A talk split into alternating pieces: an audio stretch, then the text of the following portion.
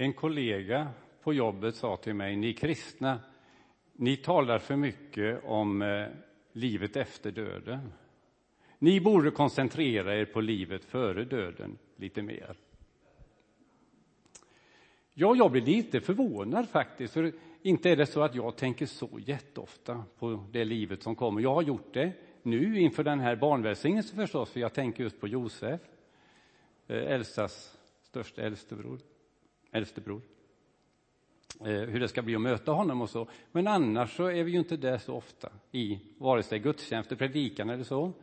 Förra söndagen gjorde vi det förstås, för då var det alla helgonhelgen. Så då talade vi om det, det eviga livet, hoppet och så. Men annars tycker jag nog att vi pratar mest om livet före döden här.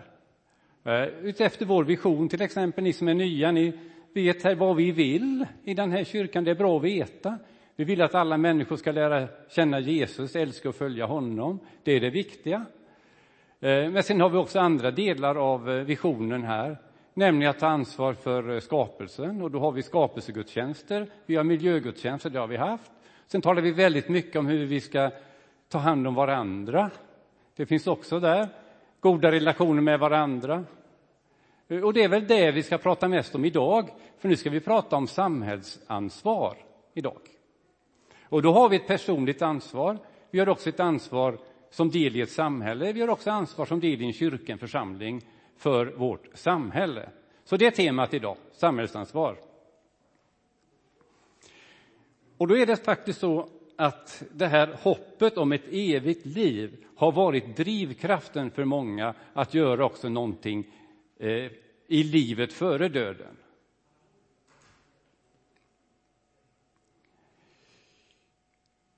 Nu har jag några eh, powerpoint-bilder som ska följa det här.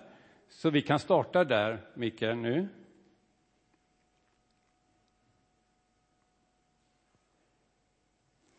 Samhällsansvaret kan det vara som jag har nämnt, alltså förvaltartanken, eh, det är att ta hand om skapelsen som Gud har gett oss, ta hand om varandra. Eh, vi ska göra så mot andra som vi vill att de ska göra mot oss. Det är centralt i Jesu budskap. Och det är också att förvalta ett ansvar att ta hand om varandra. Sen har vi det som heter broderskap och det är väl kanske det mest jag ska tala idag. Och då måste jag först säga att det här begreppet broderskap inkluderar givetvis också systrarna. Och det, alltså män och kvinnor. Det är bara ett förenklat ord och det är vår eh, romske pastor Roberto, han har sagt till mig så här, oss andra. När jag säger broder, då är det syster också. När jag säger bröder så är det syster också, bara så ni vet det. Det är ett könsneutralt ord. Är ni med på det? Broderskap handlar om att ta hand om varandra. Och det har vi ursprung i från Bibelns allra första kapitel. Och där har vi en fråga. Vi kan ta nästa bild, tror jag. Och det är faktiskt den första frågan som en människa ställer till Gud om vi läser Bibeln, det är fjärde kapitlet i Bibeln. Ska jag ta vara på min broder? Ska jag det? Och för er som inte är vana bibelläsare eller kyrkobesökare så måste jag kanske ge en liten bakgrund till den här händelsen. Det är Kain som har, av avundsjuka, så har han dödat sin bror. Abel. Och så ställer han, när Gud konfronterar honom med detta, så ställer han frågan till Gud, men ska jag ta hand om min bror? Är det så? Tror ni att Gud svarar? Nej, det finns inget svar. För han vet att djupt inne i Kain så finns svaret. Gud säger bara så här, men din brors Abels blod ropar ju till mig är det aktuellt idag. Hur många människors blod över hela världen ropar till Gud idag? Är frågan relevant? Ska jag ta vara på min bror eller inte? Ni måste svara själva. För Gud säger inte det, han vet vad ni bör svara. Så teoretiskt är detta ganska självklart att vi ska göra det. Men sen i praktiken så blir det inte alltid så lätt. Så därför ska jag inte ge några svar där heller. Det får ni faktiskt tänka själva. Ska vi öppna kyrkan för de hemlösa? Ska vi som nation ta emot de som flyr från oroshärdar i världen? Ska jag ge till hon som sitter och tigger utanför det köpcenter där jag handlar?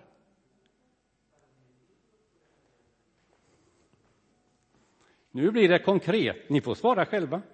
Men frågan är hela tiden aktuell. Ska jag ta vara på min broder, min syster? Det är ständigt aktuellt på ett individuellt plan, på ett allmänt plan, på ett nationellt plan och för församlingen.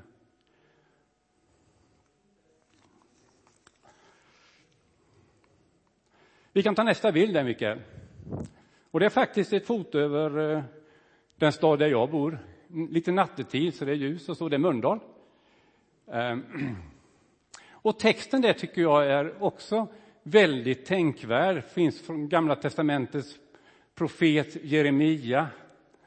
Gör allt för att den stad jag har deporterat er till ska blomstra och be till Herren för den ty dess välgång är er välgång. Ja, det är väl inte så många av oss här som har blivit deporterade till Mölndal, jag vet inte. Jag tror inte det. Men eh, på olika sätt, olika anledningar, olika val och så, så har vi hamnat här. Och då har vi ett ansvar enligt detta. Mm. Och händelsen här bakom är ju att det judiska folket hade hamnat i fångenskap i ett helt annat land, var främlingar där och de längtade tillbaka till framförallt staden Jerusalem som var så vacker. Och de sjöng och längtade. Men sen blev det så tungt att de slutade till och med att sjunga och hängde upp sina eh, musikinstrument i träden och bara liksom, kan man säga, deppade. Men då kommer den här profeten och säger, men ni är ju här nu, ta chansen, förändra det här samhället som ni lever i nu och gör någonting åt det så det blomstrar. För om det går bra för det samhället, då går det bra för er. Kan vi dra paralleller nu till det jag startade?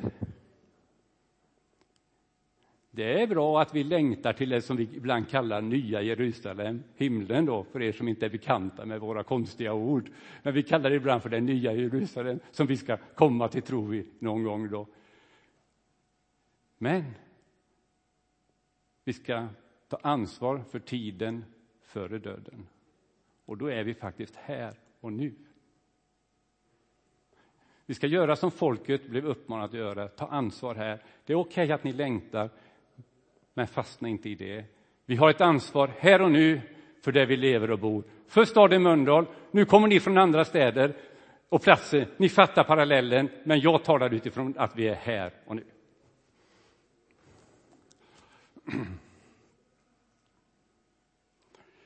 Här kan vi vara lite självkritiska då. Tyvärr så har jag hört kristna predikanter yttra en annan mening.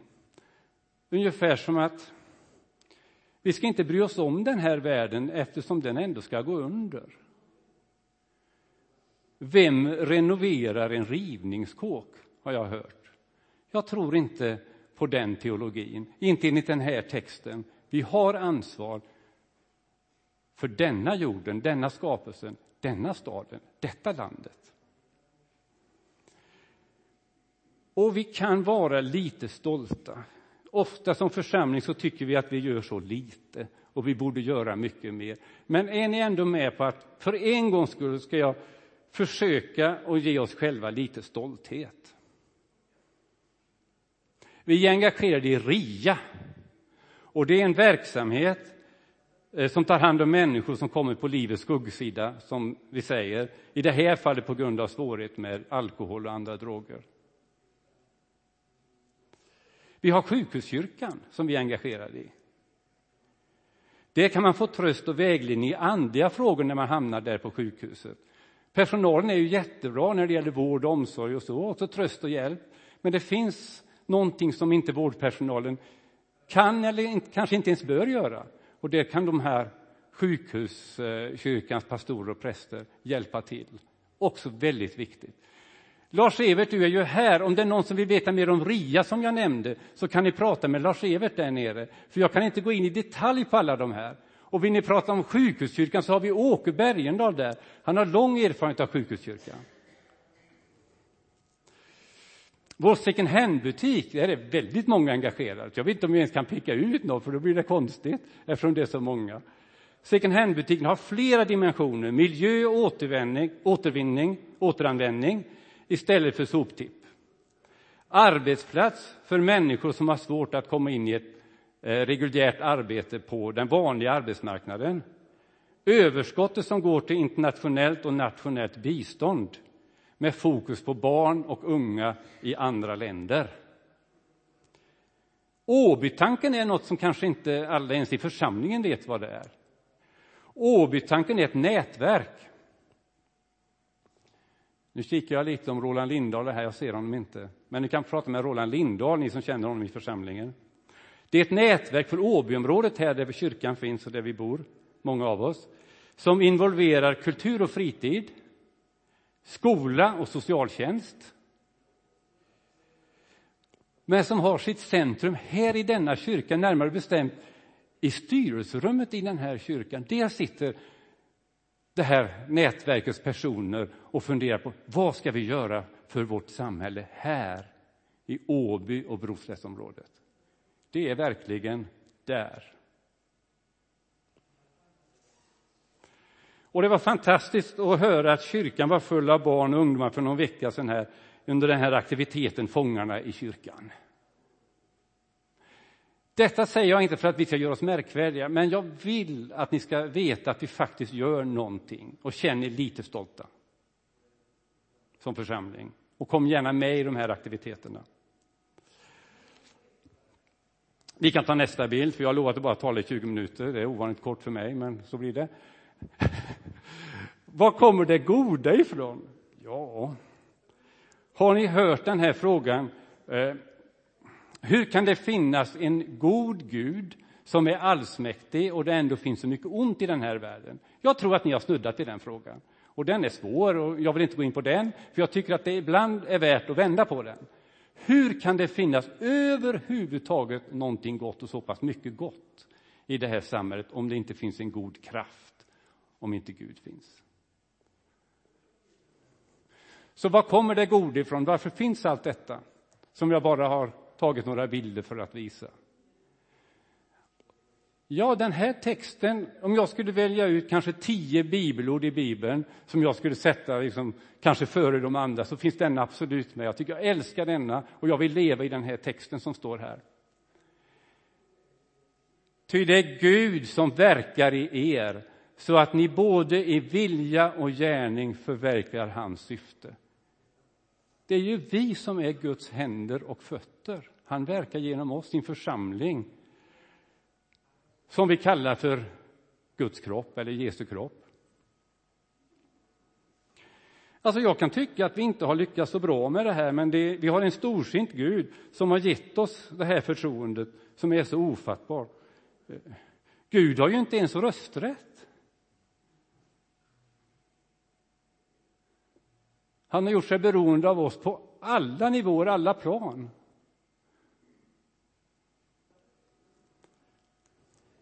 Som sagt har vi inte lyckats så bra, men vi har gjort någonting. Jag har ju nämnt om det. Vi ska vara tacksamma idag för vad vi kan få vara med och göra i Guds namn. Då. Sen frågar man sig, var finns Gud i allt lidande? Det är också en sån här existentiell fråga som är kopplad till den här med ondskan i världen. Och då brukar jag säga så här, men Gud finns faktiskt i alla hjälpande händer. Gud finns inte bakom och inte orsak till allt lidande i världen, så tror inte jag alla sjukdomar, alla katastrofer, naturkatastrofer, ebola och vad det kan vara. Eh, utan Gud finns där i de hjälpande händerna. Alla som är där och tröstar och hjälper och botar och bygger upp det som är förstört. Där finns vår Gud. Och då förstår ni när jag säger att det är eh, vi, som det står där, vi eh, förverkligar hans syfte, så är det långt utanför de som finns i matriken i några kyrkor och församlingar. Här är vi faktiskt alla som är med i det här arbetet, Guds händer och fötter.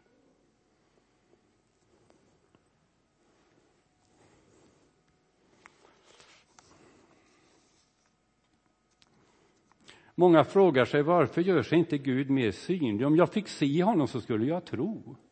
Men han gör sig synlig genom allt detta. Vi kan önska att han skulle göra sig mer synlig, men visst gör han det.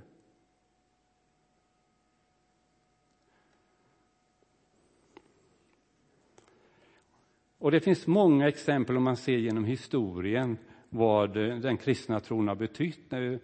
Sjukhus har växt upp, skolor har växt upp, universitet knutna till, ehm, till kyrkor och kristen tro. Det är helt uppenbart. Vi skulle kanske prata mer om det, för det är inte så många som säger det i vårt samhälle. Men där har mycket, mycket gjorts. Gott i ehm, Guds namn.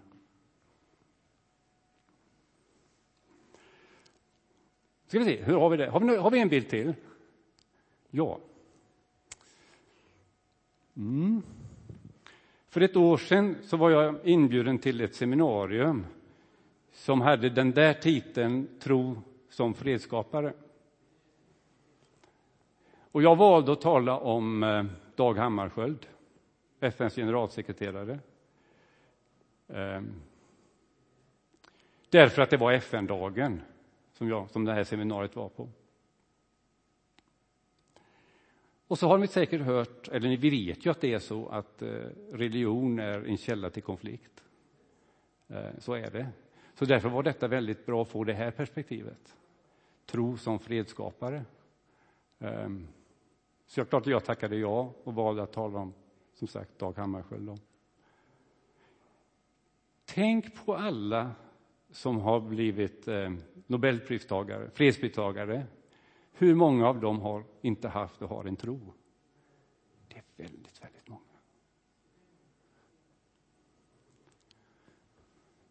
Tro som fredsskapare är en, en realitet.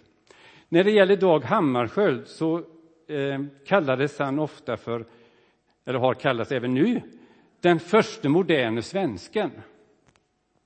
Därför att han hade sån impact på världen genom FNs generalsekreterare som han var. Han var mästare i tyst diplomati, säger man också. Men i svenska biografier över Dag Hammarskjöld så nämns sällan hans kristna tro. Och om den nämns så är det nästan som om det skulle vara en svaghet i hans karaktär.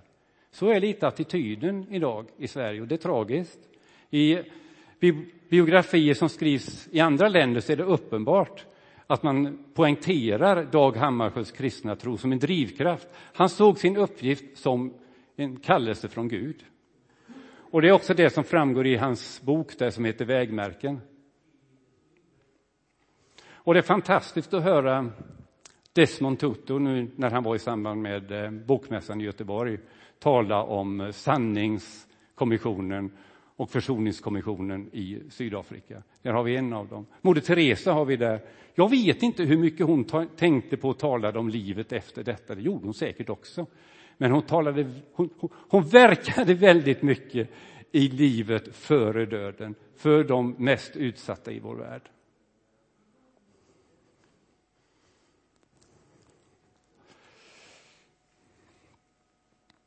Ja, nu rinner väl tiden ut för mig och jag ska inte annat än avsluta.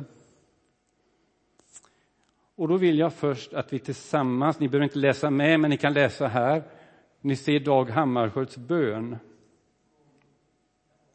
Så jag vill läsa den. Det är inte ofta jag läser eller ber skrivna böner, men den här är i sammanhanget, tycker jag, eh, att den platsar och den är helt underbar. Du som är över oss, du som är en av oss, du som är också i oss, må alla se dig i mig.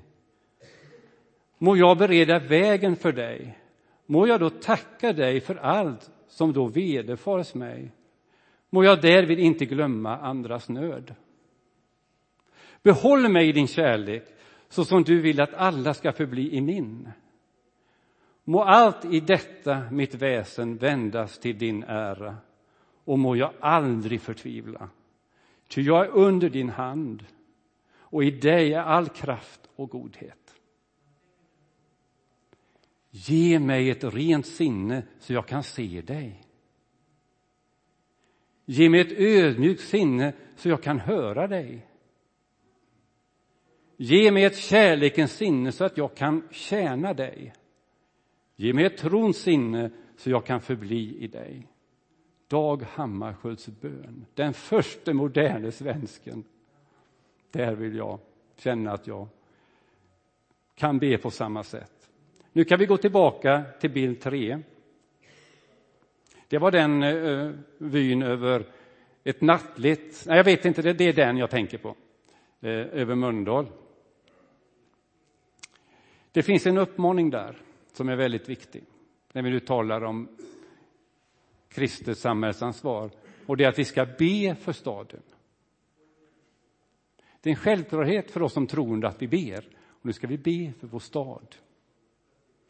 Att den ska blomstra. När vi hade vårt ledarmöte denna veckan i församlingen så eh, ställde vi frågan och den fick gå runt vårt bord.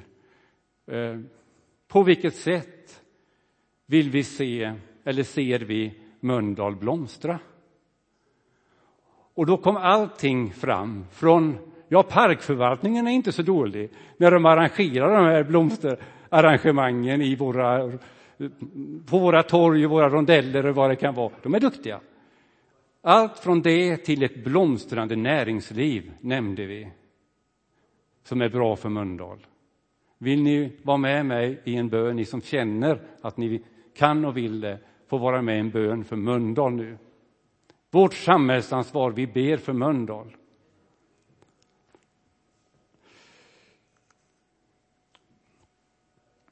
Herre, då ber vi för vår stad Mölndal och de som är här i samlingen som vill be för den stad där de bor så är det helt rätt att göra det.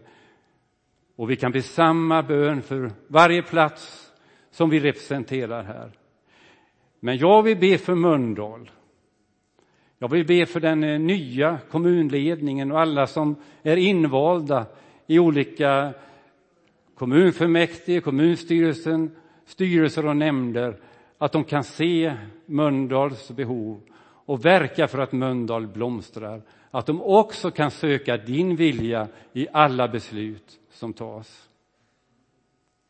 Jag vill be om ett blomstrande näringsliv så att många kan vara i arbete i vår kommun. Jag ber för företag och andra organisationer att det ska fungera och att de också kan få vända sig till dig och få hjälp. Vi ber om fungerande skolor och vårdinrättningar, alla dessa institutioner som bygger upp vårt Mölndal. Vi ber speciellt för barn och unga som kan vara svårt för att växa upp i ett samhälle överhuvudtaget. Att Mölndal ska vara ett samhälle där man kan växa upp och få trygghet och hjälp och stöd. Vi ber för föräldrar som också tar ett samhällsansvar i att eh, välja att ta emot ett barn, uppfostra och stödja och leda ett barn genom livet. Vi ber om välsignelse och hjälp för alla i den situationen, alla som är föräldrar. Och vi ber för alla yrkesverksamma i olika sammanhang där man har sin arbetsplats, att de ska orka med sitt liv och det ansvar som finns i de uppgifter som man har. Och jag vill be för det som vi ibland kallar för det civila samhället, alla organisationer, alla församlingar, alla kyrkor. Att vi ska få vara med och vår vision, speciellt vår vision här vill jag be, att den ska få betyda mycket för Mölndal. Att man ska få lära känna dig, många människor ska få göra det och följa och älska dig. Och att vi kan få vara med och förvalta skapelsen och förvalta relationerna med varandra. Och jag ber att många i vår stad ska finna väg till tro och till gemenskap med dig.